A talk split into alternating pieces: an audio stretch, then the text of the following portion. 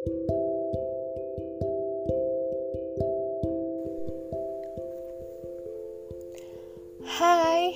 kenalin, aku Rina Tanyalianti. Aku salah satu mahasiswa dari Universitas Jenderal Sudirman di Purwokerto.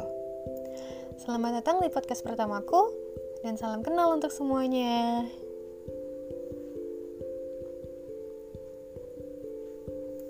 By the way, apa kabar kalian semua? Aku harap kalian sehat-sehat dan bagi yang sakit semoga segera diberi kesembuhan ya. Amin. Semangat semua ya buat yang ada di luar sana. Siapa pun itu, apa pun kegiatan yang kalian lakuin, aku harap kalian selalu stay safe, selalu menerapkan protokol kesehatan, karena kita masih harus berjuang di tengah pandemi ini.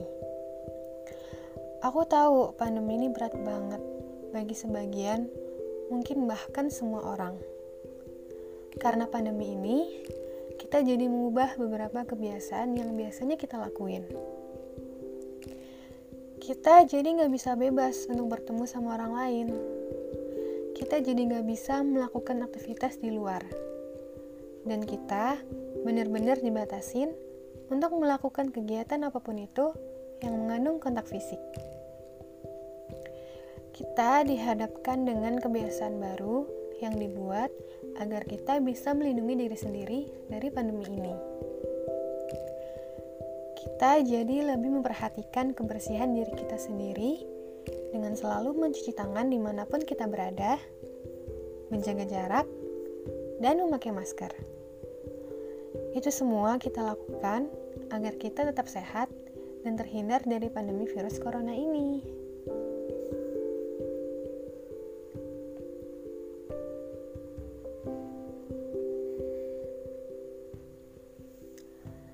Sejak pandemi, aku ngerasa makin banyak orang yang aktif di media sosial. Mungkin ini karena kebijakan from home dari pemerintah. Karena kebijakan itu mengharuskan kita untuk melakukan segala aktivitas dari rumah. Seperti bekerja, belajar, beribadah, dan lain-lain. Nah, Aku juga ngerasain banget nih dampak dari kebijakan tersebut yang benar-benar mempengaruhi aktivitasku. Semenjak aku pulang ke rumah dan kuliah secara daring, aku benar-benar jadi lebih sering megang HP dari biasanya. Aku perhatiin kalau di media sosial itu ternyata nggak sekedar sebagai media untuk berkomunikasi. Di masa pandemi ini, banyak orang yang menuangkan kreativitas mereka di media sosial untuk sekedar hiburan ataupun mendapatkan uang dari situ. Seperti konten kreator, youtuber, selebgram, dan lain-lain. Mereka memanfaatkan waktu sebaik-baiknya di situasi pandemi corona ini untuk menghasilkan suatu karya yang bernilai dan bisa menghasilkan. Banyak orang yang menjadi konten kreator bukan karena hanya sebagai hiburan saja, tetapi juga sebagai pekerjaan mereka. Hal ini mereka lakukan untuk dapat bertahan hidup di tengah pandemi. Karena akibat dari pandemi ini, banyak sekali orang-orang yang di PHK atau kehilangan pekerjaan mereka.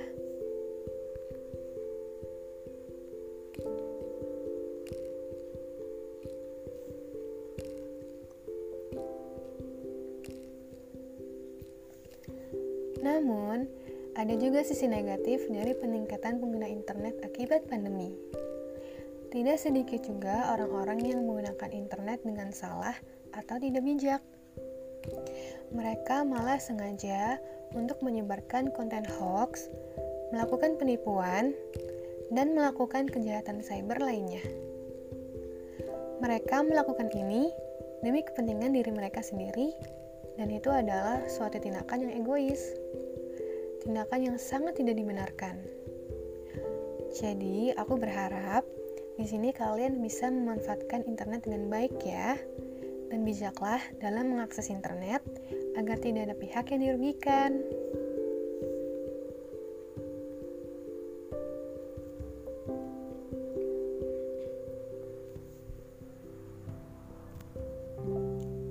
Pandemi ini membuat orang-orang menggunakan akses internet untuk melakukan segala hal. Salah satunya adalah berjualan di internet. Aku perhatiin dari awal pandemi sampai sekarang, banyak banget bermunculan online shop online shop baru ataupun toko online yang menawarkan diskon besar-besaran. Gak lain dan gak bukan tujuannya adalah untuk menarik pelanggan. Dan ya, memang terbukti dari cara itu, jadi banyak orang-orang yang tertarik. Menurut aku, orang-orang yang buka usaha bisnis online di, di masa pandemi ini melihat bahwa peluangnya besar untuk mereka. Karena pengguna internet meningkat, sehingga konsumen pun juga ikut meningkat. Dan berjualan di internet menurut aku juga lebih praktis dan efisien karena kita bisa berjualan hanya dari rumah menggunakan internet. Dengan begitu, kita bisa menghemat biaya untuk menyewa tempat atau toko.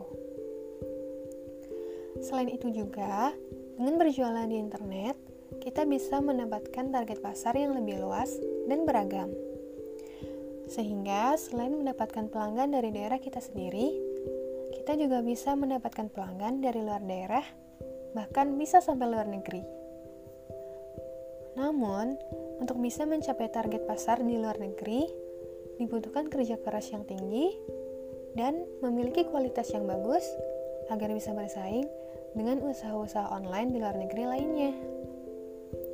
Intinya, semakin tinggi target pasarnya, maka kualitas produk yang dijual harus semakin bagus agar orang-orang tidak kecewa terhadap produknya.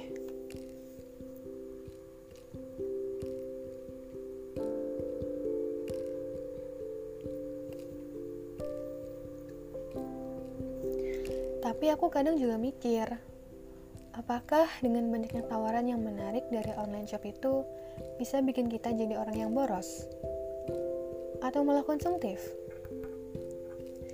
Alih-alih melihat barang yang lagi diskon, tanpa sadar, kita langsung aja beli tanpa pikir panjang. Karena prinsip kita, mumpung lagi diskon, kenapa enggak? Padahal kita juga nggak tahu itu barang yang sebenarnya kita butuhin atau enggak. Yang aku takutin jika nanti pandemi sudah berakhir adalah kita menjadi orang yang konsumtif. Karena kebiasaan kita selama pandemi yang membeli barang promo. Memang harga promo lebih murah. Tetapi jika kita terus-terusan membeli barang karena promo, maka kita akan kesulitan untuk menentukan mana barang yang seharusnya kita beli atau tidak. Karena menurut aku, sebaiknya kita membeli barang yang benar-benar kita butuhin aja. Karena dengan begitu, manajemen keuangan kita bisa jadi lebih baik.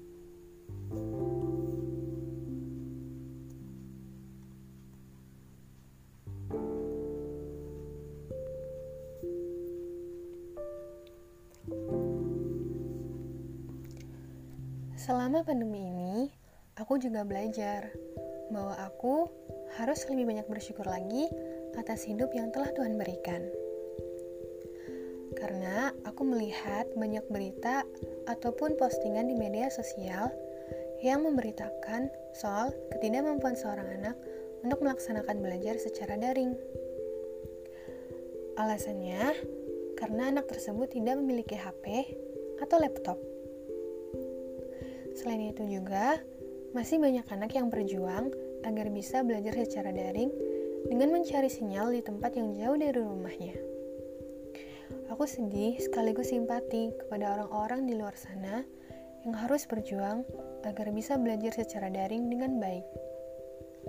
Aku berharap mereka bisa segera mendapat bantuan dari pemerintah ataupun orang-orang baik agar mereka bisa melaksanakan belajar secara daring dengan nyaman.